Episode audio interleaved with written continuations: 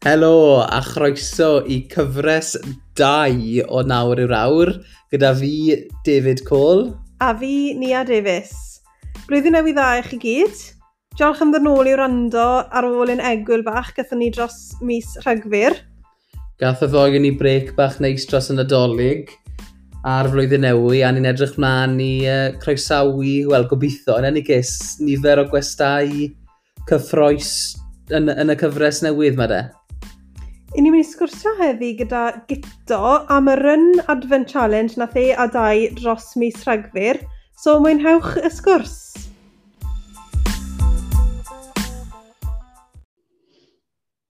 Croeso i'r podlais, Gito. Mae'n, Dainiach, iawn. Very good, Josh, ydy'n gadw? Dim rhywbeth ffordd, dim rhywbeth ffordd. O'n i jyst yn meddwl dechrau off trwy cyflwyno ti i'r grandawyr gyda. So, ti'n byw bant ar hyn o bryd, ond ti'n bachgen lleol yn reiddiol. O le ti'n dod?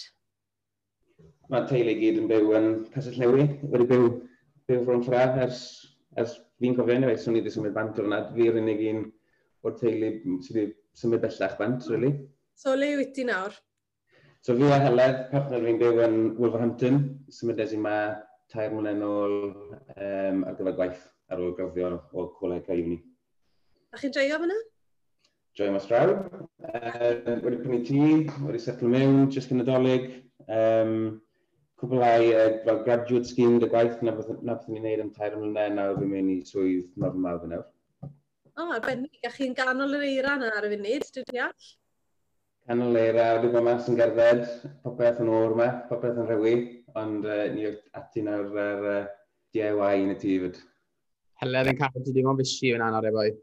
Helen yn cael ei Helen yw'r un uh, credigol i gyd, so hi sy'n gael say yn ble mae popeth yn mynd, a sy'n mae peth yn edrych, a ni'n hoffi'n gilydd o popeth yn ni. Ei, fi wedi dysgu gyda. Os ti jyst yn cymeryd instructions a dim dadle, mae'n gwneud fy wyl lot yn haws i dde. Quite right. so, hefyd, dylen ni gweud, mae ti, o, ti yw un o thletwyr DC Trethlon, mae David wedi bod yn hyfforddi ti ers yr had, yn credu? Ie. Wedi, yeah. wedi bod yn, wedi bod yn mynd yn dda, na di agit?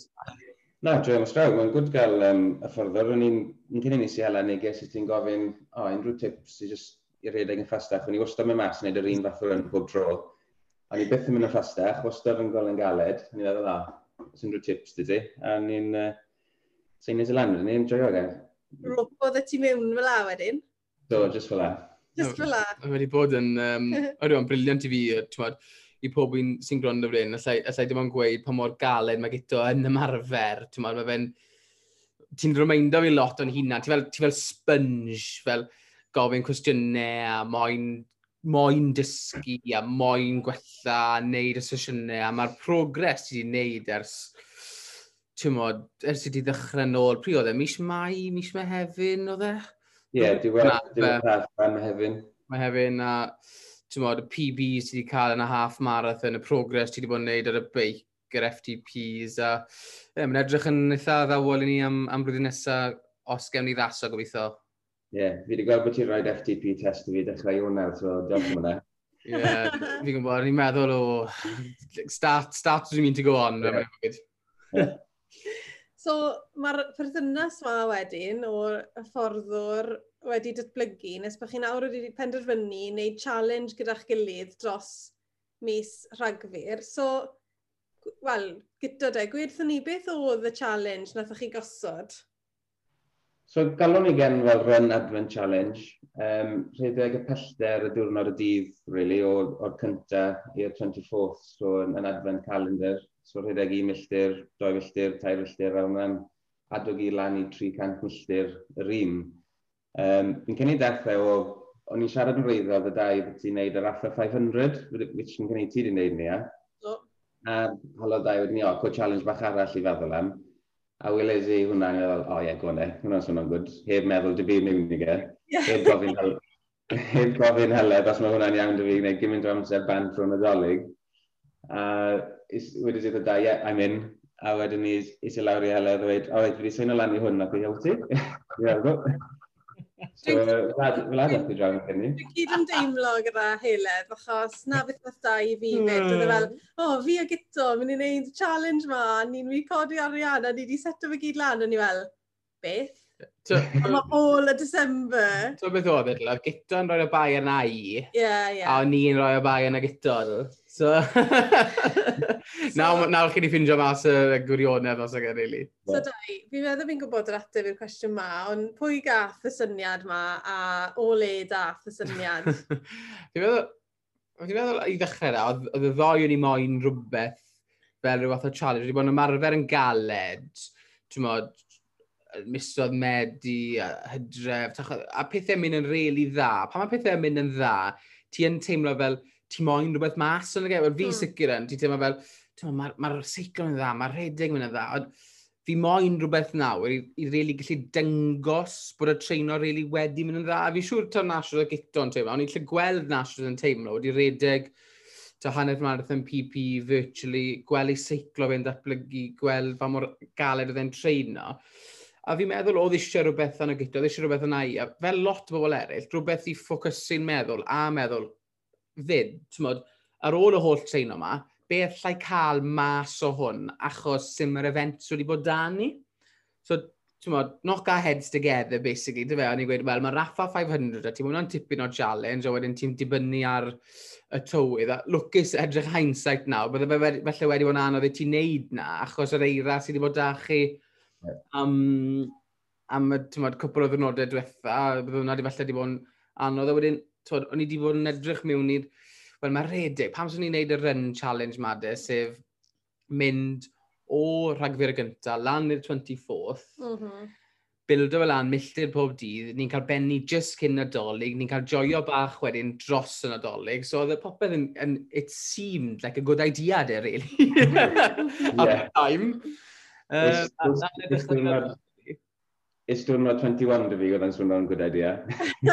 yeah. Ond uh, dim jyst gosod challenge eich hunan nathoch chi, nathoch chi hefyd penderfynu codi arian at y lusen. So gyda, pwy, um, pwy y lusen bywch chi'n codi arian at, a pam nathoch chi dewis yr y lusen yma?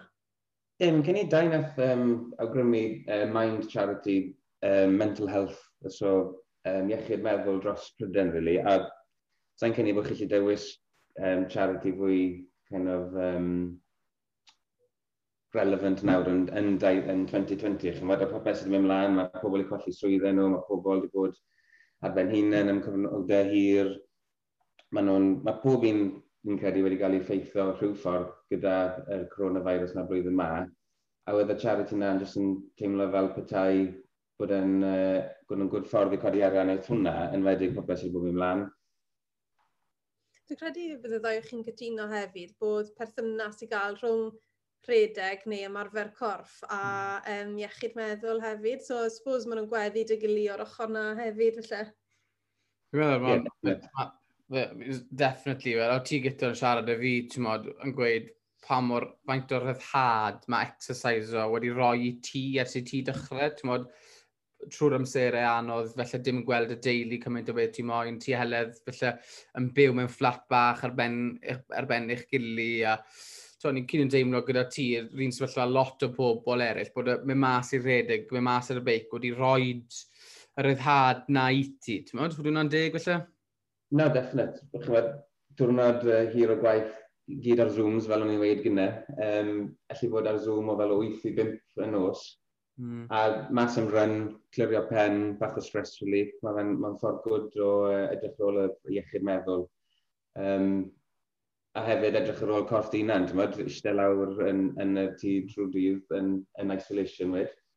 Mae mas yn mynd y corff uh, um, ymarfer lan ffordd dda o, o helpu ti fyd. So cyn bod ni'n symud mlaen at y challenge i hunan de, wna ni jyst wedi'n sôn tym bach yn gloi yn beth i cefndir y ddoi o chi yn rhedeg cyn, cyn dechrau'r challenge ma. So os dechrau ni dy dau, os mae pobl wedi bod yn gryndo ar y podlais, byd nhw'n gwybod bod ti'n arfer braidd a rhedeg pelltirodd hirach, nes di challenge yn yr haf, dy fel, lle redes di 30 milltir y dydd am doi diwrnod. So, o ti'n gwybod bod ti'n gallu gwneud y pellter, ond beth am y foliwm, beth am wneud y dydd ar ôl dydd? Fi'n meddwl, so fi'n dwlu ar redeg i ddechrau da, fi wedi bod yn redeg lot yn y gorff dros y blynydde de, wedi bod yn neud ers blynydde, ond beth o'n i yn, sa'i beth wedi gwneud cant milltir mewn wythnos.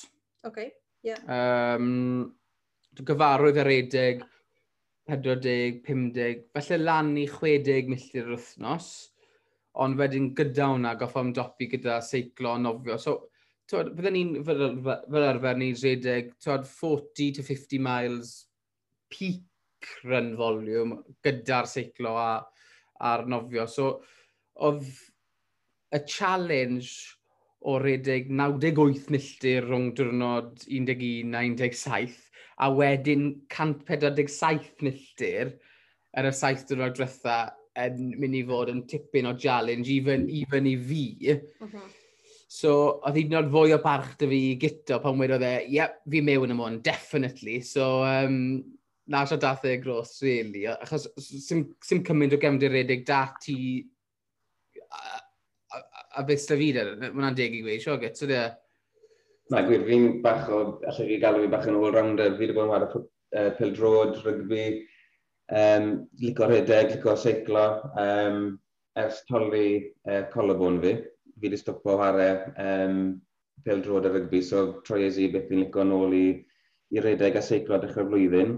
Dis i a beic fi lan i Wolverhampton nôl y gytre, jwmpo ar yr, ar yr aluminium frame, rhywbeth sy'n deg ddod, pwyso, tynnell, A lockdown 2, nes i trito hynna i carbon frame, ti'n gwybod, uh, big neis.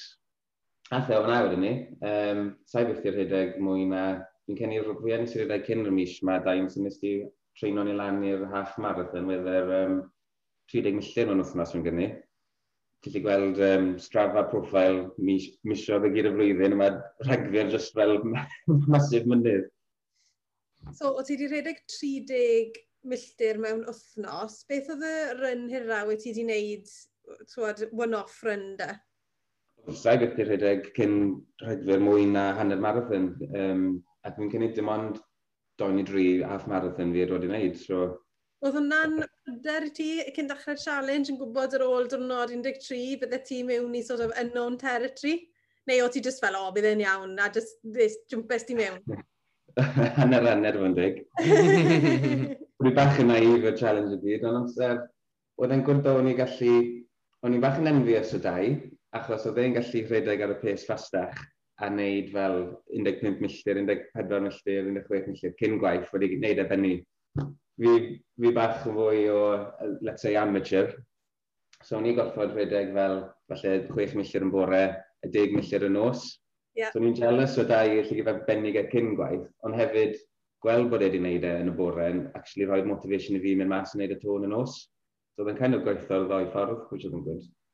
Ie, yeah, o'n i'n o trenu mm. um, dros y tîm yn ffordd, achos to, wedi goffa wneud yr un milltirodd o David, ond oedd yn hala mwy o amser i ti, jyst achos y pace. So oedd e'n, mewn ffordd, oedd e'n fwy o challenge i gyto, achos oedd e'n hala mwy o amser mas o dy diwrnod i. Oedd ddim gwmyd o amser dy ti i recyfro un diwrnod i'r llall, felly. Fe mae hwnna'n bwynt really da a pwynt really teg. Bod, achos mae'r stats da ni, a fi'n gwybod dyn ni mlaen y stats wedyn, ond fi'n mynd i gweud gan bod ni'n siarad ti nawr, achos goffes ti redeg eto 49 awr, dy fe?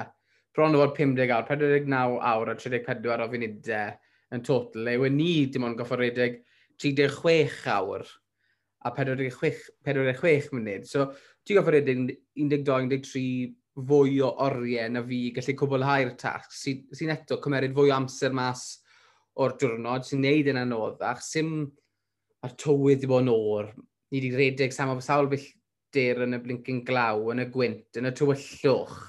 Yeah. Twod, so, pob ryn yn cael ei wneud da fi tu fas, ond nhw'n cael ei wneud cyn bod y... Ail. Cyn, o'n i'n ffili gweld o'n i'n mynd, ti'n bod? Yr un beth y ti, o ti'n goffa cadw i streetlights, um, um, rwedig rhwng di llun a di Gwener yn yr wythnos, yn yr wythnos 2 o 3, oedd e'n anodd, ti'n modd? Yeah. So, ie, yeah, hats off i ti, achos fe wedi si, o ti, yn goffod strwythuro dy ddwrnod yn lot well, dim jyst gweud, o, oh, codau ar bennau o'n nawr cyn diwrnod a llai ddim laco. Rhaid ti sicr yn feddwl ar ôl wythnos un, oce, okay. um, i gaffa mewn mas nawr, nai, falle 6-7 milltir bore yma, lle byddai fi'n gwneud jog amser cynno, a wedyn mynd mas to yn nos. So ie, yeah, oedd e ddim, e ddim yn hawdd yn yr element na o gwbl. Os ewn ni nôl de, ewn ni nôl i'r dechrau wythnos un. So, cynta o rhagfyr o'ch yn rhedeg un milltir, lan a wedyn ar y seithfed o'ch yn rhedeg saith milltir. So, siwr ath yr wythnos cynta yma i'r ddoi chi, ath yn iawn? Cyn i'n othnos cynta'n teimlo fel misiodd nôl i fan dig. Dwi'n cofio'r mas am y milltir cyntaf, a fel, o, mae'n na gyd yn rhaid i wneud. Rwy'n yn rwydd. Dwi'n gwneud un milltir. A wni beth y dwy milltir, o, na rwydd. Wstedd i'r wythnosau cyntaf i treol mas gwbl o bethau, so fel codi digon gynnar, wstedd i yn cynnu amser cynno trydydd dydd i trio ffito'r 5k mewn am hanner awr cynno fi, jyst i gweld mod, faint o amser sta fi i gael cawod, bach o bwyd, i mynd nôl, achos dim ond hanner awr sta fi gyno. Um, a nath o'r wythnos cyntaf, mor gloi, fi'n cynnig o'n i dal yn nofio a, a seiclo fyd. Oh, so, nice. hwnna dal yn adnoi'r ymarfer. Hanner awr i gyno, redig 5k bita a cael siawe. mae hwnna'n impresif. Wel, falle o'n i 5 munud yn hwyr nôl i'r So eistedd di'r wythnos gynta na fel bach o experiment i weld sut oedd pethau mynd i weithio fel oedd yr amser yn mynd mlaen? Ie, yeah, a treial um, gwahanol, just gweld sut oedd y corff yn ymdopi fel mis yn mynd mas i'r redeg heb gael bola o brecwest, wneud y nos, gweld sut oedd hwnna'n teimlo. Ydych ar y tywydd fyd wythnos gynta, gweld os mae fe'n bwrw glaw, bwrw rhaid i bwrw glaw y nos. Siwedd y cymelliant dati'r yr wythnos gyntaf yna? Fain cymyllion, sori dda, mae'n cymyllion. Sure the motivation, sori. Ah. O, Sky High wrth nes gyntaf, oedd e, i fod yn dig. Twyd challenge newi. Um, oedd mylltirodd yn fyr, so oedd e'r amser yn fyrrach. A, a tro gyntaf, o'n i'n dechrau yr nofio plan y tyfyd, dy fe. Yeah. So, popeth yn newi fi, motivation uchel, hynny, wrth nes gyntaf. Oedd yr un beth y fi, oedd e'n neis achos o'n i dal y rhedeg, o'n i dal yn seiclo, o'n i dal yn nofio, o'n i dal yn strength and conditioning, amser neu bach o yoga. A oedd y dwrnodau tic am bant fel la, o'n i fel, o, oh, lan i dwrnod saith y bar o'n i, ti'n pethau mynd yn dda. Dim ond, um, dim ond, dim ond ti angen y pimp ydy wych dwrnod dda. Sdan i fan hyn, pethau mynd yn gwrdd o wedyn bang. Pan bwrodd e ti, bwrodd e ti, dy wed, lan yn, yn wythnos doi wedyn. So, wythnos doi, efo'r wythnos ma troiodd e o nofio, seiclo a redeg i just redeg, neu o'ch chi still yeah. yn trial ffit o bethau mewn amser hyn? Yn cynnig yn ymarfer fi, oedd dal un neu ddoi sesiwn ar y beic, a oedd yn nofio mas i fe, ond yn cynnig nathon ni, efo'r dysadwn ni nathon ni'r um, nawr yr awr grŵp braidd yn trîto ni gefel mynd i dwethlon. Tro cynta nes i rhaid cynnal rhedeg fel rhyw, rhyw fath o dwethlon, anyway. Ond uh, na fe nathon ni'n cynnig rhaid. Beic o dde? Wyt o'n ia? Gynta ti wedi redeg off y beic o dda? E? Rhedeg, e, tro gyntaf i'r rhedeg cyn y beic a wedyn ni ar ôl ni, so oedd hwnna'n diddorol, so oedd hwnna'n... Oedd yn teimlo'n oce, obviously, achos ddim eisiau roed dal yn fyr. Ond oedd um, transition times fi eitha hir, actually, o'n i achos yn gael rhaid o'r bob un. Oedd hwnna'n fi'n cofio redeg off y beic am y tro gyntaf riod, a fi hefyd yn cofio diwathlon, redeg cyn y beic tro gyntaf riod. Mae fe'n galed So, ond I suppose oedd yn yeah. gwneud pethau'n diddorol. Gyda hwnna fyd, fi'n fi cofio dwn o'na, fi'n meddwl di sadwn weddau, pwyr di sadwn, oedd ni off gwaith, oedd diwrnod, fi rhywbeth yn gweithio, diwrnod 12 oedd e, day 12 oedd e, fi'n either day 12 neu day 13, yeah. rhywbeth fel la, day 12, ie. 12, ie, 12. A fi'n cofio gweithio rhywbeth, reit, so ti'n meddwl bod yn redeg 12 na, newid pethau lan bach ma nawr, cadw'r feddwl mor ffres yn ei gallu, a ti'n dyn o lan, a ti'n ti bron o fod, ti'n tamed yn excited bod fel, ti ddim jyst mynd mas a plodo'n 12 miles. Ti'n codi lan a ti'n gweud, reit, mae nawr yw'r awr Zwift meeting mynd i fod yn ei nawr am 9 o gloch. So, faint o filltir fel allan ei cyn ni? Dwi'n mynd i wneud 4-5-6 filltir felly cyn i'r sesiwn. Ti'n gwneud 5 milltir yn barod, ti'n jwmpo ar y beic, ti'n mewn grŵp environment a grŵp o deg, pymtheg o'n ni yn, yn seiclo. Mae'r sesiwn, achos bod cymaint o'n ni yn cael bach o sport, bach o strwythyr, mae'r sesiwn jyst yn hedfan heb o fla.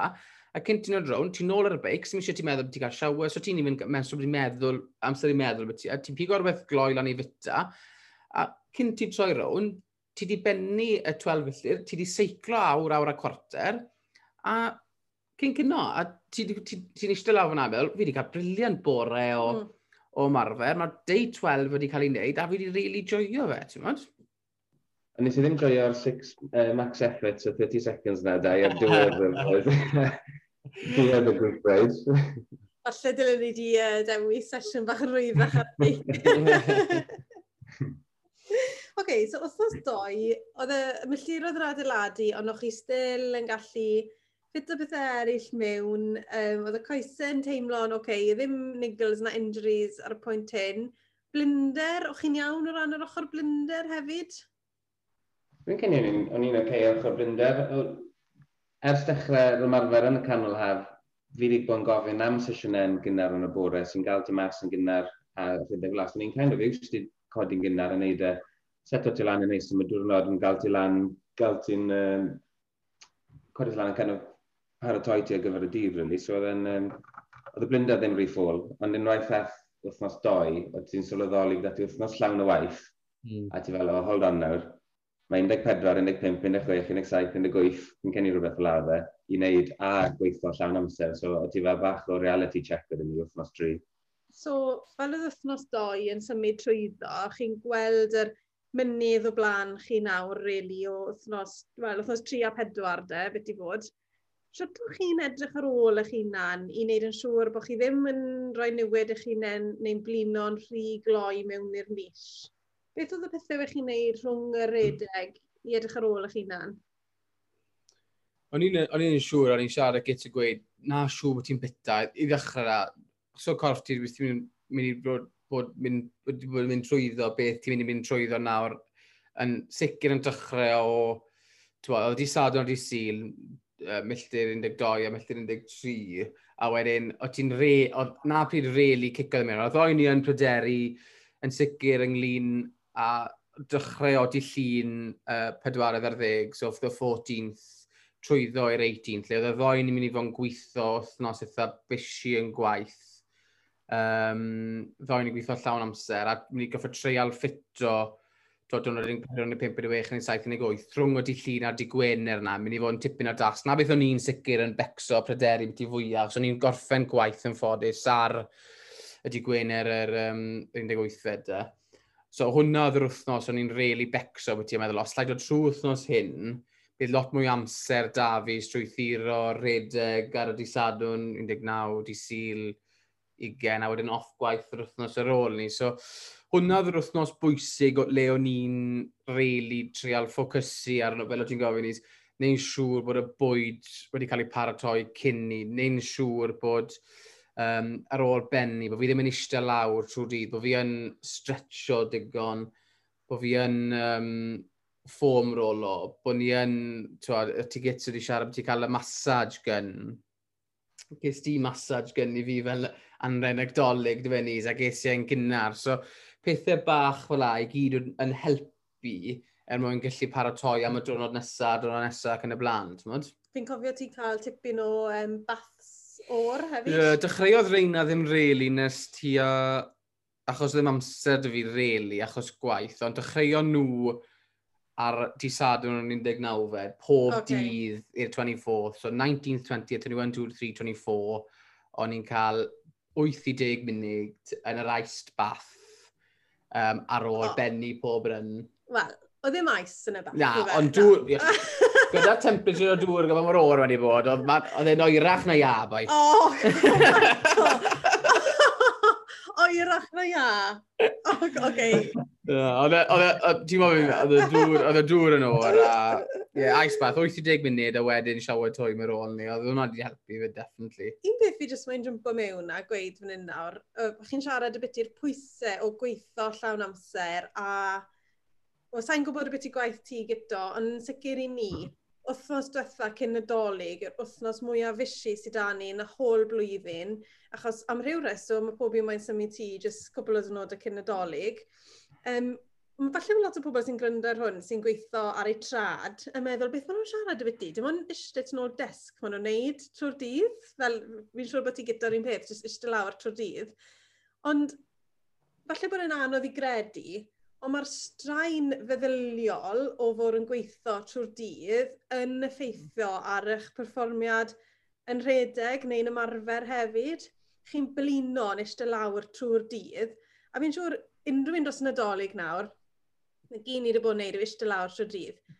Mae lot mwy anodd i codi dyn yn lan i mynd mas i'r rhedeg ar ôl eistedd lawr trwy'r dydd na beth bydde fe os ti wedi bod yn cadw fynd trwy'r dydd Mm. A'r blinder wyt ti'n teimlo yna ti wedi troi'r sgrin na off ar diwedd y dydd a meddwl, oh my gosh, mae rhaid fi mynd mas i'r redeg nawr. Mae hwnna'n sicr yn effeithio ar, ar eich performiad chi.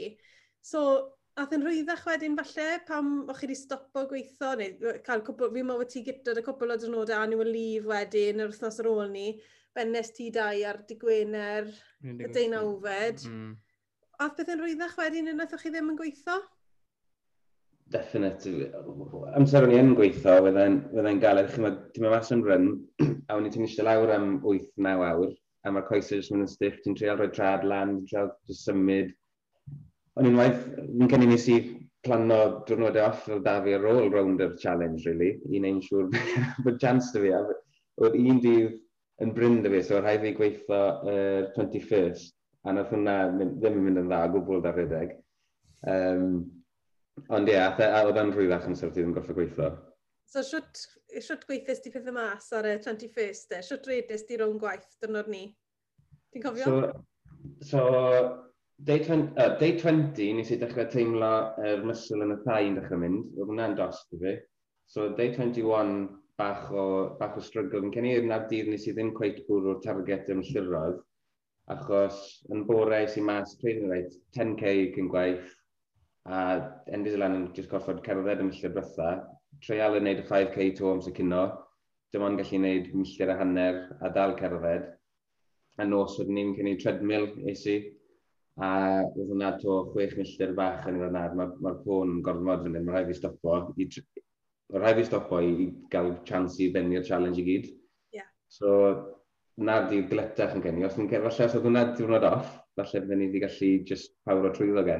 Ond sa'n blame o'r gwaith, ond ond ie, oedd y corff wedi gadael fi lawr bach amser ni.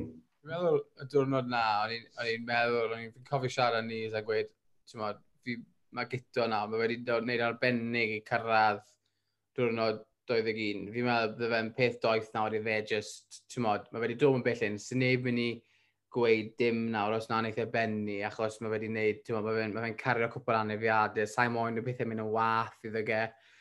Ti'n modd, a fi'n cofio ni'n siarad, ti'n modd, pa mor dda wedi di wneud i cyrraedd y pwynt na, ond ni os ti batles di trwyddo, dy fe.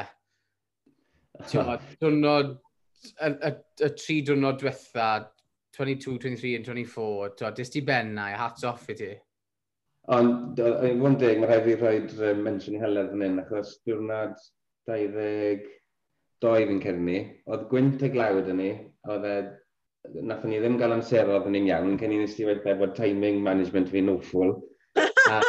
Ti'n telling off ar gwrt 22, dwi'n Cerddodd fi a heledd am 5 o gloch y nos yn y gwynt a glaw, hanner marathon, lan a lawr y main road, yn un mas i fas ar y dual carriageway, achos oedd Helel wedi dweud, ti wedi sein am y challenge yma, mae rhaid i ddenu ge. Fi'n limpan, unrhyw unrhyw downhill, wedd hi'n dweud, reit, chwad, just joga lawr fan hyn slow bach nawr. Honestly, o'n i ddim ond gallu rhedeg fel 10-30 seconds, oedd y ffôn yn dechrau dod yn shin fi, mae dal shins, we should have got just shin sprints yw e, ond os bydd Helen heb drago fi mas fyna, a hala fi cerdded hanner marathon, byddwn ni ddim wedi completo ge. So, ar ôl y hanner marathon na, wedd dal 5k arall i fynd. So, a thalef nôl mewn i trwy Milan, a halodd ei fi nôl mas wedyn ni, cerdded tair milltir arall. so, he, heb hi'n pwysio fi, byddwn ni, wedi... falle byddwn ni rhoi lan ar fy'n pwynt ni. Yeah. Mae fe'n mor wir sut mae'r corff wedyn ni yn recyfro. Diwrnod ar ôl ni, rhaid i ti deg milltir fel sgwyd i fi'n bod. Really weird.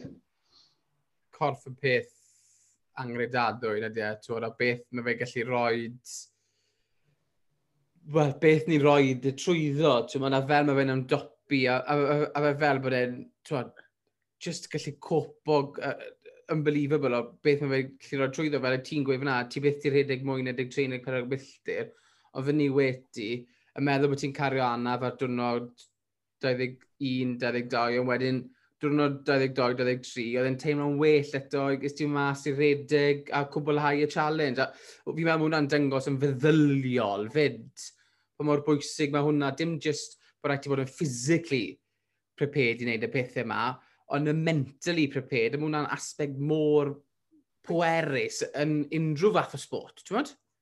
Doi mm. peth ni'n pigo lan yn yma yw rhif un, gwaith tîm, er bod mm. Hele ddim wedi wneud y challenge, wedi wedi, achos oedd wedi cerdded ati yn ganol nos, pan wedi ddim eisiau i fo wedi o gwbl, a di helpu ti trwy'r y diwrnod anodd na de. A, ond y peth arall byddwn ni'n pigo lan arno, yr ail beth de, yw'r perthynas rhwng dy feddwl a dy gorff, fel yr un corff oedd dati ar diwrnod 22 a diwrnod 23, o'n wyniaeth yn siwt yn oed i perfformio dros ar ôl nosodd y gwsg a ar ôl gwybod mentally falle, wel, dim ond 23 a 24 sydd y fi ar ôl nawr, a fi wedi gwneud 22, a siwt oedd y meddwl wedi dod dros y pôn oedd dati, e- ôl fy sydyn oedd yn pôn dati ragor. Definite, oedd fel bach o Oedd beth oedd yn helpu fawr fyd, achos o'n i'n wastad mas, o'n i'n clywed y ffôn yn mynd, achos ti'n gwrando i podcast neu music a stwff, a ti'n edrych ar ffôn, just a quick break, A ti'n gweld donations fel emails, someone has donated, someone has donated, a hwnna jyst yn rhoi massive push ydy. So ar ôl fel pob milltir, ti'n diolch y corff o, diolch yn diolch yn rhoi rhywbeth trwy milltir arall. Ti'n gweld y donations, a fi'n cynnig rhoi ys i post lan yn weid bod fi'n stryglo bach da yn y fiadau. A pobl yn hala negeseuon fel cadw fynd, ti'n neud yn gwyd, fel... Mm -hmm. Oedd hwnna'n massive help.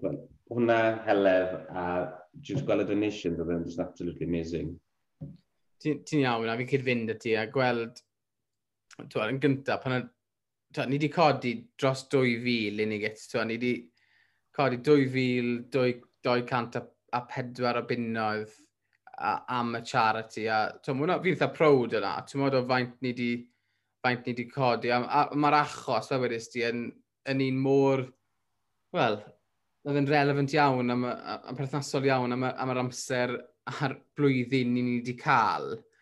A, wedys ti, so yn challenge, really, os nawr ti'n really testo dy gorff, a mae hwn yn sicr wedi testo fi, a wedi testo ti mm. i'r eithaf. Yn ail, fe nhw'n sti, y support gys ti oedd heledd, a'r support gys i wrth ni, a, a beth o'n i'n beth o'n i'n cael trwy'n serw, y bwyd wastad yn meddwl. O'n i just, o'n i ffili cymeru, o'n i ffili cael digon o bwyd wedi'n gorffi. A o'n i'n nico wneud, especially 21, day, day 21, 22, 23, 24, o'n i moyn wneud os nad y run i gyd cyn cynno, ond yn sicr y part Fwyaf. mowr o fe. So, o'n i'n treol dechrau 7-8 y gloch i fy na'r diwrnodau off, er mwyn cael treol benni erbyn canol dydd, er mwyn i fi gallu treol ymlacio am y prynawn, neu cwbl o bethau oedd eisiau wneud, yn barod i gweud, oh, okay, mae amser i fi ymlacio cyn y diwrnod nesaf. Ond beth oedd yn cadw fi mynd, oedd, oedd gweithio ni, a be ni'n mynd i cael ei cynno heddi? Ond ni, a wasan ni'n siŵr. bod ar ôl fi'n dod mewn, o'n i'n cael yn ice bath, o'n i'n cael yn siawa, a rhywbeth really ffein o flaen fi am, am cynno. Achos o'n i amser nadolig, turkey stuffing a cranberry baguette o e. So oedd hwnna just on point yn cadw fi fynd. A, yeah, just pethau bach o la, pan ti'n neud, pan ti'n rhoi dy gorff trwy, trwy pôn a ti'n meddwl, o, oh, ti'n pa rôl fi benni hwnna, hanner awr arall, 20 minutes arall, 10 minutes arall. Just pethau bach yn cadw ti fynd. Ar, ar, o'r pethau bach na'n dod o cefnogaeth y heled y ti, ni a dy fi, si, pobl yn, yn hala negeseuon. Ie, yeah. so just pethau bach o lan wedi cadw'r ddoi yn ei mynd, ni'n meddwl. Just yn cwic nawr, o'n i'n siarad beth i anafiadau gyto, ond beth di on off da anafiadau erbyn y diwedd, fyd dy fe? Dwi'n meddwl, just faint o, faint o filltirodd o'n i wedi gwneud i'r ddoi o'n i erbyn diwedd, oedd e just yn just adol lan ar ffatig a mysl sonau, so ti yn teimlo fel i fi cicodd e mewn ar ôl ar ôl diwrnod 22, so diwrnod 23, diwrnod 24, oedd hamstring fi'n dost, oedd quad um, muscle fi'n dost fyd, ar, just ar un o'r coesau, o'n i'n meddwl, pa i roi lan nawr, ti'n fi wedi dod mor bell a hyn, so o'n i just gofio bod bach mwy ofalus ar y last couple of days, ond dim necessary injury, ond just fel real muscle fatigue a bordering on the fact Os bydde ti wedi cario ymlaen. Ie, ie. Bydd ddim yn adfaiso neb i redeg gyda yn teimlo fel fel arfer. Jyst ti siarad wedyn de, yn byth ti diwrnod 24, y diwrnod diwetha, mm. y nosos cyn ni gyda'r oedys ti post mas yn gofyn i pobl eraill i redeg gyda chi ar yr, ar yr diwrnod ola. So, Mae hwnna siwr o fod yn teimlad neis hefyd, i gwybod bod chi wedi ysbrydoli mm. pobl bydde ddim wedi mynd mas i rhedeg fel arfer i, i ymuno da chi? Wel, o'n i'n teimlo, exactly fel o'n i'n teimlo fel, o, mae lo, ma loads o bobl ffili fod y gilydd nawr dros nadolig, so os bydde just even handful fach o'n i'n mynd mas i rhedeg bwrdd uh, cyn nadolig, bydde'n teimlo fes fel sfelis bod ni'n kind of dod at y gilydd ond dros i rhedeg rhywle, fi'n cael ni'n eich brawd heledd ddim mas i rhedeg, a cwpl o ffrindiau teulu a cymdogion ni lawr yn Llundain, mewn mas i redeg am 5k, a cwpl mas rhwng Brynfyd. A dde'n real hwp bach neis, actually. Ie, yeah, achos I suppose hwnna oedd un o'r negeseuon oedd gyda chi reit ar y dechrau, pan wnaethoch chi dechrau'r challenge ma, oedd ysbrydoli pobl i'n i ymarfer corff a uh, i, he, i roi gwybod i pobl fel, fel, fel bod pobl yn sylweddoli bod ymarfer corff yn gallu helpu'r iechyd meddwl. So ar ôl y newyddion gwael, o'n i gyd wedi cael cwbl o ddynodau cynni yn gweud, reit, mae'n rhaid i chi gyd basically bod ben eich hunan dros y nadolig. Yn credu fod hwnna'n ffordd really mm. neis i, i orffen y challenge off, ond siarathu dych chi ddoi ar, er, ar y diwrnod dretha. Dda redeg yn iawn? Alla ti mynd ar gyntaf cyntaf rhaid yma. Fyddi di gweud, achos o'n i'n, erbyn y diwrnodau caled, o'n i'n wedi gwneud rhan fwy o'n nhw, sicr lan i diwrnod 12-13, oedd boi'n dweud mas yr hewl, bod yna bod pob dyn yn redeg, o'n i, o'n i, sy'n meddwl o'n i wedi mentro ar y treadmill nes diwrnod 12 pan ddethon ni'r diwathodon challenge na. Ond pan dath ei diwrnod gwed 16-17, o'n i'n treol y ddoi o'n i reil, o'n i'n mynd treadmill hewl, treadmill hewl, i'n treol just amrywio bethau lan bach. Mm. Ond fi'n cofio gweith gofyn ni ar y, ar y penwthnos cyn y dillun, o ti'n gweithio ar dillun ar diwrnod um, 21 de, un ar ugen. A ni'n gwybod nis, fi moyn really good route yn un nawr. Mm -hmm. Fi, fi dal teimlo'n eitha da. Um, Dwrnod, sy'n gwaith, fi wedi bennu gwaith tîm ni mo'n gwaith, so le, le, le dylen ni fynd am good, twod, sa'i moyn out and back, fi jyst mo'n good loop, wel, halodd i fi mas yr elevation a'r climo. Fi'n siŵr treuliodd Fi siwr treias di benni fi off ar y diwrnod na, dyma. Hales, dwi lan fel i'n Wynt, lan i Lady Road, Mae'n neis rownd i porth, nag yfe? Porth, rhwng Parc Llyn, yes, gaeth. Ei, fi still yn meddwl... Yn y glaw gwynt. Excellent route, achos oedd e'n lŵp o gytre, o ti deg milltir o gytre erbyn o ti halfway round, So diwedd y dydd, o ddim dewis dydy, ond redeg gytre. So fi'n meddwl, y cymelliant, bydde, i fi yn sicr, bydde hwnna wedi bod yn help. Ar ôl y dwrnod yna, ni definitely'n teimlo i mae dro gynta. Yn, uh, do, cwpl o dwrnod o'r treadmill, a wedyn dwrnod 24, oedd e jyst yn...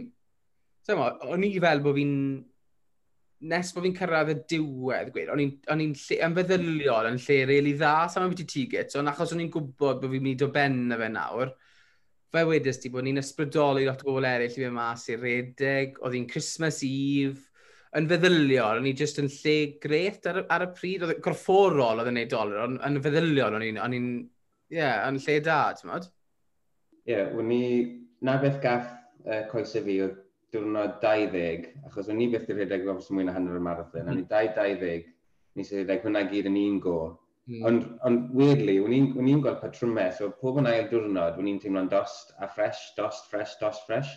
Ar y diwrnod 20 na, fi'n cynnig rhedeg i third PB half marathon fi, a o'n i fel sub 9 minute miles dros 20 milltir.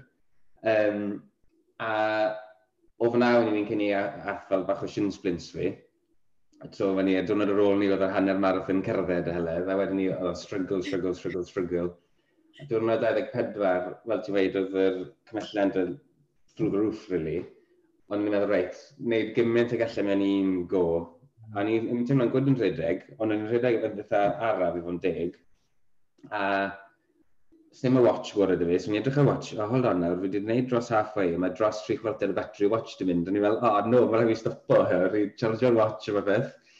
a oedd e'n neis yn y pentre, achos yn y, yn y pentre ni fi symud i, dath o pared nadolig drwyddo, so stopes i, um, i weld hwnna ar y hylef.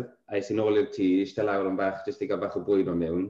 Cwrdd i lan i feddwl, o, oh, so'r coesau mae'n symud o gwbl. Mae dal da fi 12 filltir i fynd mas ar masad gyn, mas o bopeth. Um, honestly, oedd y 12 milltir drotha yna yn hel. Oedd e'n dost y ffyrnod.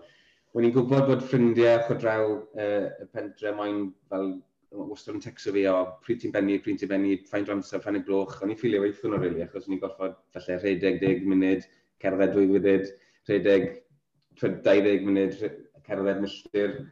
Um, ond tua 5k i fynd, o'n i'n meddwl, reit, o, oh, fi wedi'n neud hwn, fi is i lawr y main road am y canfed tro, lawr yr roundabout gwaith yn ôl, a ar y ffordd nôl pasodd y ffrind fi'n texto fi'n gofyn, o, no, reit, fi'n mynd i fod mas ti fas y tŷ. A ni'n meddwl, o, reit, quick break fan hyn nawr, am y milltir hanner y fynd. Ni'n teimlo'n gwrdd, ni'n rhedeg, rhedeg yn gwrdd, roedd y pôn di mynd, siwr o fod jyst bach o adrenalin. Stopeth i am two minutes, a na'r peth gweithio gallen di wneud. O'n i'n, honest, stopers i chwech waith yn cenni yn y milltir a hanner dwytha, gysgwrth o stopo, with y pôn yn coesau fi yn y sin, Yn, o'n i'n ffili, ffili gwyddeg e, ond yn wnaethus i nôl a gweld nhw gyd na di benni, oedd e'n good feeling, mae'n dig.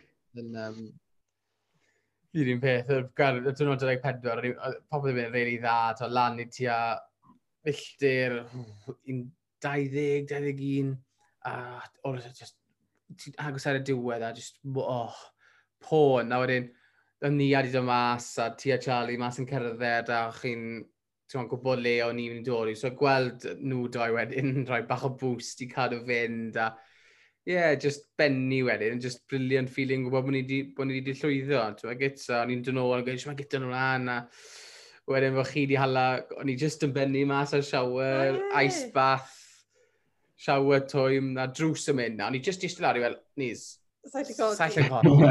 Sa'i lle codi. Sa'i just bit anginno i efe.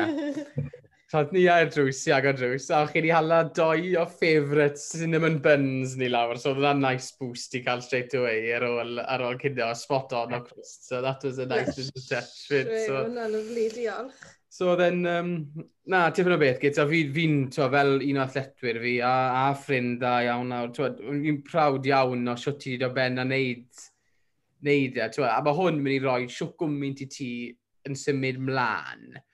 Achos ti'n gwybod nawr, mae limits ti lan fan hyn, achos beth ti wedi roi di'n antrwyddo. trwyddo mod, yn feddyliol, yn gorfforol, a fi'n ma, ma lot o targedau dati blwyddyn nesaf fel half Ironmans a cysadlaethau. Mae hwn yn mynd i roi neud ti mor grif ar gyfer reina. Mae ma, pethau yn mynd i edrych yn dda i ti am blwyddyn nesaf, so ie, yeah, ti ti wedi cael lot mas ag e, certainly yn, yn gorfforol i mewn i'w galed, ond hefyd yn feddyliol le ti'n meddwl, os oedd unrhyw dawt o ti, lle ti wastad drach nôl o hwn yn gweud, wel, os fi lle gwneud hwnna, think in come on nawr, fi, fi gallu rhoi na'n trwy un diwrnod ac yn y hmm. blaen, ti'n modd? So, ie, yeah, briliant. Well, Fi'n mynd i meddwl nôl ar gyfer half marathon cerddon i'n y glaw, na beth fi'n wastad meddwl nôl i. Definitely. So, os ti'n mynd i wneud hanner Ironman, gwed, fi'n meddwl hwnna yw'n targed y ti blwyddyn nesaf, ti'n gwybod bod ti wedi cerdded hanner marathon yn y gwynt y glawd a heledd. Ti'n gallu rhedeg unrhyw beth nawr, really? Fi'n siŵr o heledd, i wedi gadael hwnna fynd yr ddibau. Dwi hana hi. Dwi hana. Bob tro mae wedi ennill cwbl o brownie points fy da, so i wedi gadael ti, so i wedi gadael ti'n gofio beth ti onna'n rwydd. Ddim yn gwybod, dim am spel, dim am spel. Un beth o'n i moyn siarad y beth ti hefyd, un beth ti gyto wneud ar ben wneud y challenge, oedd cadw ystadegau trwy, trwy gydol a wedyn rhoi post lan ar social media trwy'r trwy'r challenge i gyd yn cadw pob un yn ymwybodol o ffaint o filltirodd ydych chi wedi wneud, pwy pace ydych chi wedi bod yn wneud e, beth oedd average heart rate y ddoen chi, beth oedd max heart rate y ddoen chi, um, elevation y ddoen chi. So, rhoi bach o overview i ni de, ar diwedd yr, y challenge, beth oedd yr ystadegau? So, twtio dau y dechrau, ond yn cyfan gwbl, nathon ni ddoi rhedeg 86 awr, bach dros 86 awr. Yn cynnig, hwnna ti dros, dros 3 dydd oedd e'n cynnig dau. A total calories nath ni llosgi oedd yn 47,731, a mae hwnna tua 50 o cyn nadolig, neu 1,110 o peint y gwrw. Oedd e'n cymryd yn ni o beint, yna? E? Neu tua 600 um, glasur o gwyn coch. Oh. Efo'n deg, dau na ffredeg rhan fwy ar elevation na, fi'n cynnig rwt alastiro yn yna. Na'n un, na un rŵt oedd yna, fi'n meddwl, Roedd cleimo ni, roedd ni cleimo uh, 12,000 o trwyddfeddi sydd tua tair bach dros tair waith y wyddfa, neu tua pedwar waith lan pen y fan, ond faredig, dain tîn oedd yna rhan fwyaf. Y stat fwyaf sy'n fel mind-boggling i fi yw average heart rate ti dau yn 124, a fi'n cynnig hwnna yw fel power walking fi. A fi. So mae hwnna'n hwnna beyond. Mae average max heart rate ti, mwy yn lair un peth average heart rate fi, mae challenge i gyd sy'n just, yn, ti just yn well-oiled machine na bydd fi'n weid rhywbeth. It's ti mewn pum mlynedd edrych nôl a gweud saith, byd ti'n, os cadw di fynd, byd ti'n edrych nôl a ti ar ystadeg yma, cadw ar ystadeg yna, achos garantio ti, byd ti'n edrych nôl mewn 4-5 years time ar ôl consistent years, year in, year out, a gweld, o, oh, trach ar efo i'r fi nawr, i gwael, efo i'r fi pan dechreuais i 5 years o, so cadw nhw, dyn nhw'n diddorol yeah. edrych nôl yno. Un peth fyd rwy'n ti'n dweud, um, yr half marathon PB ges i nôl yn um, tachwedd, ti'n, wel, averages ti pace ti, mwy na lai, be nes i am PB Half Marathon, nes ti hwnna dros 305 miles, so hats off i ti fyd hwnna, hwnna'n hwnna unbelievable. A fe'n hala fi'n sic gyda, mae mor yn o'i teimlo gyda. Yr un, yr un o'n i'n licio fwy ag it, oedd ble, os ni wedi gwneud e, gweud bod ni wedi set off ar siwrne, ble byddwn e mm. ni wedi hmm. benni lan? Oh, sorry, ie. Yeah. So, as the crow flies dead, yn gyfan gwbl nath ni'n neud 600 milltir, so o canol Llundain, y holl ffordd yn Llunas Syth i Berlin, a bach to. Ond mae fe equivalent byrhydes tydau i, o Aberteifi i Edinburgh, a bach to. A fi'n cenni mae fe i pobl sy'n gwybod le mae Wolverhampton in, in, in the Black Country. mae fe o Wolverhampton i Paris. Absolutely unbelievable. Pan ti'n pan ti'n rhoi e mewn i, pan ti'n rhoi e mewn i perspektif la, mae fe jyst yn... Uh, OK, so blwyddyn nesaf de, ar y cynta o uh, rhagfyr, byddai'n hala ti mas da i gyda tent ar gefen di, a byddai'n cwrdd â ti yn... Edinburgh. Yn Edinburgh am Christmas Day. That's one of a good break bach. Lovely. Uh, na, briliant, fais. Briliant, well done, Gits. So, faint o arian codo chi yn y diwedd da? So codo fi 2204. Um, y uh, target ni oedd 5 milltir, so 600 pint. So i fawr teg nath cant ag un o bobl um, nodd ni dros hwnna. Um, so ni'n ddiolchgar iawn y cyfle fan hyn felly da i jyst i wedi diolch i bob un, really. Mae lot o bobl wedi rhoi enwau nhw, so ni gobeithio ni wedi dela pawb a diolch nhw fel one-to-one. -one. -to -one. Ond mae lot o bobl gallu rhoi bod nhw ddim moyn cael um, enwau nhw rhoi lan ar y donation. So, pob un sydd wedi gwneud na, diolch o galon. Masif, masif, masif, diolch i chi. Help i'r elusen, ond hefyd helpu chi cael chi ah, oh, trwy'r challenge. Unbelievable, ie. Yeah. Unbelievable. So, nawr fod y challenge wedi fenni, beth ych chi wedi dysgu os unrhyw beth o wneud y challenge? Ydych chi wedi surpriso chi nan? Mm. O neu ydych chi wedi dysgu unrhyw beth? Go on, Gito, Cerdi. Yn gen i wedi dysgu ddwylio faint mor grif chi gallu hala chi hunain wrth wneud challenge. Chymod, os chi'n rhoi meddwl chi at rhywbeth, chi gallu kind of um, bwrw ge, anelu gato gyfyd. Mae lot o help rown chi yn helpu. Um, yn wedig, fel sy'n ni wedi dweud yn barod, uh, heledd yn, uh, fyd yn helpu ffido fi, fyd yn cadw fi'n onest a cadw fi bita, wedi o'n rhaid, mae'n siwr i bita, mae'n siwr i bita mwy, mae'n siwr i bita mwy. Um, gwrando ar y corff fyd, y, y diwrnod ges i'r kind of, yr, uh, anafiad yna i gwrando ar y corff a i, i cerdded e. Um, ond hefyd amser ti yn teimlo'n dda, i, i fynd a joio hefyd. So, y diwrnod amser ti'n teimlo'n gwrdd, coes yn teimlo'n gwrdd, i, i fynd a just joio gyda, really. Bach o cyddoriaeth mlaen, podcast mlaen yn y, y clustau, just joio, really. Fi'n credu na'r peth fwyaf. Beth gyda ti, Dai? Dysgys ti rhywbeth? No, fi, I definitely dysgu, twod, fel i fi wedi treino lot dros y blynydde, a, ond byth wedi wneud cymaint o filltirodd a hyn. A mae fe'n, mae fe'n, fe'n reassuring, really, i gweud, ar un beth y tiget, so ti byth di roi dy gorff drwy fo hyn, ond pan y ti really yn, yn, yn feddyliol, ond pan mae rhywbeth da ti i anelu ato, beth ydi gallu wneud, ti'n modd? pan mae rhywbeth dati, oce, okay, hwn sy'n goffod power of your mind, ma, when you really have to do something, what your body is capable of doing, ti'n modd? A, twod, redon ni, to 98 milltir mewn un wythnos, a'r wythnos ar ôl ni, 147 o filltirodd. Redon ni 245 o filltirodd mewn 14 diwrnod. Os byddwn rhywun wedi gofyn na i fi, to, cwbl o flynydde yn ôl, byddwn ni wedi gweud, oh, dim gobeith, llai ddim wneud na, dwi'n gorffi ddim digon grif i wneud na, ti'n? Ond pan mae rhywbeth y challenge dati, pan mae fel y support network na dati a y cymhelliant o codi arian am, am achos da, beth i ti gallu wneud, mae fe just yn, mae fe'n mind-blowing, really, ti'n modd? Gallu, ti'n beth, beth yw'r challenge nesaf, I suppose, ti'n modd? Neud, neud oedd yn gilydd fyd yn cynnig oedd yn hynny. Byddwn ni'n neud oedd yn hunan, although byddai'r network na rownd y ti a'r cefnogaeth a codi'r arian, yn cynnig byddai bod tipyn yn gletach neud e. Gwybod bod ti'n syffro fyd. Ie, so, achos y Covid ma, o'n i ffili cwrdd ei cwpl o runs da'n gilydd. So, bydd yna wedi bod yn briliant bod ni'n gallu cwrdd ar y diwrnod ola neu last for one yr adegau anodd i gweud, dyma, e awn i mas da'n gilydd. Fi'n siŵr bod yna wedi gwneud pethau un o'n haws eto, ti'n modd? Hmm. So, hmm. gen i na gyda, a bydde ti'n neud y to? Ie, yeah, achos, achos bwres i ddim yn fylluro ar y diwrnod 20, eh, 21. Unfinished business. Ie, yeah. so mae hwnna'n hwnna grind arni. Bydde ti ti dau? Nid ti feto? Bydden. Bydden.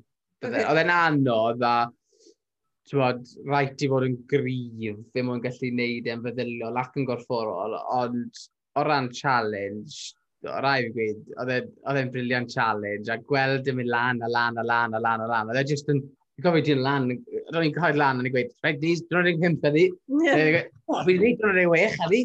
A ti'n just gweld y filltir o'n dod lawr a lawr, oedd e'n clas. A sut ydych chi'n teimlo erbyn hyn de? So, ni'n recordo hwn heddi, sef y 30th o mis Rhagfyr, so So chi, mae'r challenge wedi bod drosodd chwech diwrnod, sydd ddim lot really, ydy e, meddwl y beth yn teimlo fel lot i'r rach.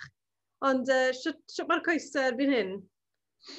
Coesau'n teimlo'n gwrdd. Fi wedi bod ar y, ar y tyrbo cwbl o weithiau. Maen nhw'n teimlo fel bod 300 milltir o 30 ynddo nhw.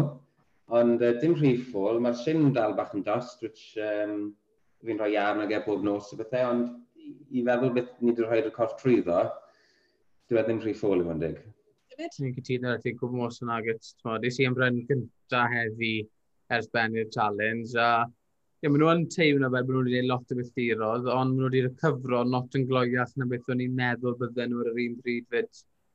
Teiclo'n syffro, fi wedi bod ar y beic o blwythau, a fes i, dwi a power yn y coesau ddim quite na ar hyn o bryd, ond mwyn na i ddisgwyl ar ôl cymaint, cymaint o redeg. Reit, y gyda. So, ti wedi gwrando ar y podlais y blaen a ti'n gwybod bod ni'n holi'r un tri cwestiwn i'n gwestai ni. So, cwestiwn gynta, os bydde rhaid i ti ddewis, ras o ti wedi wneud o'r blaen i wneud eto, pwy ras fydde ti'n dewis a pam? Um, so nes i um, y half marathon yn Cyrdydd nôl yn 2006, a yr unig fel allai di e weid, organise event fi wedi wneud i fan dig.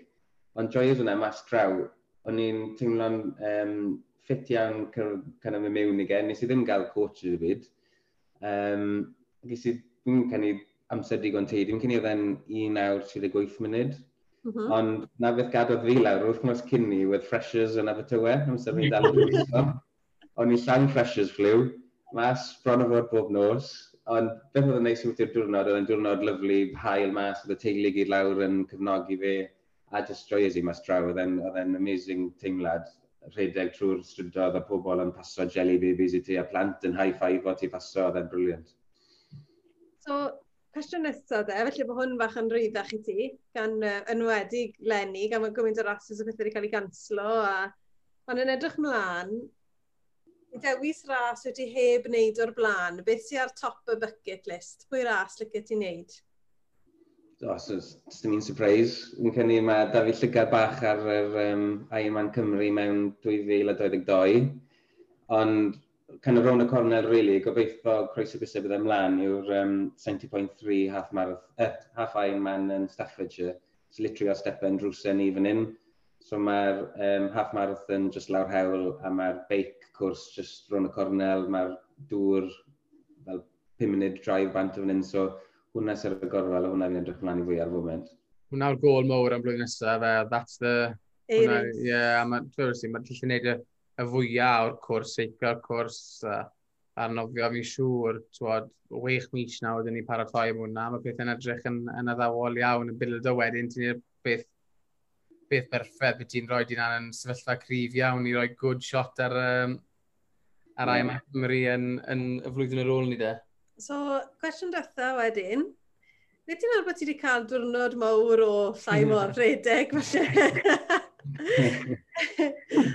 um, a ti'n cael dewis tri cwrs i fita noswaith ni.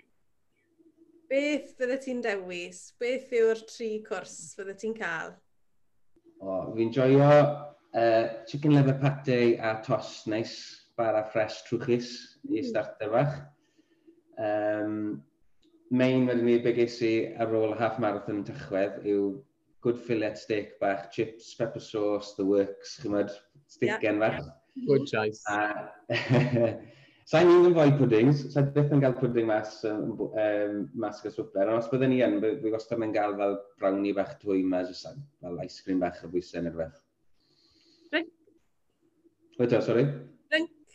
O, oh, proni fach, rhaid gael proni fach. Proni fach, o, oh, lyflu. Proni, oedd peroni yn y ffridge ar 24th yn barod i ti, siwr. Na'r proni ffeinach i'r rwyd i gael o'n O, oh, wel, diolch am ymuno ni ar y podlais gyda, a llongorchiadau mawr i'r ddoen o chi am cwblhau'r challenge a am codi gymaint o arian at achos da. Diolch yn fawr fi, diolch yn fawr fi. Lian ni, joio siarad ti, joio dod ôl a atgofion da o'r, or challenge a beth o'n i wedi rhoi un gilydd trwyddo a'r, partner, a'r partners trwyddo fyd yn goffo cwp ar y ddoi yn ni yn, yn neud rhywbeth mor uh, wel, beth bynnag ti'n ma'n gael o Byddwn byddwn ni fel arfer yn gweud, o, edrych ma'n clywed am y challenge nesaf. E, that would be a lie. Mae'n heledd rhwng, rhwng Nadolig a New Zealand. Sa'n mae'n clywed dim byd y byddu rhedeg na seiclo nawr yn wythnos. At least bod ti wedi bod yn gwneud bach o DIY fyna. Fi'n siŵr ti'n gwybod books am na.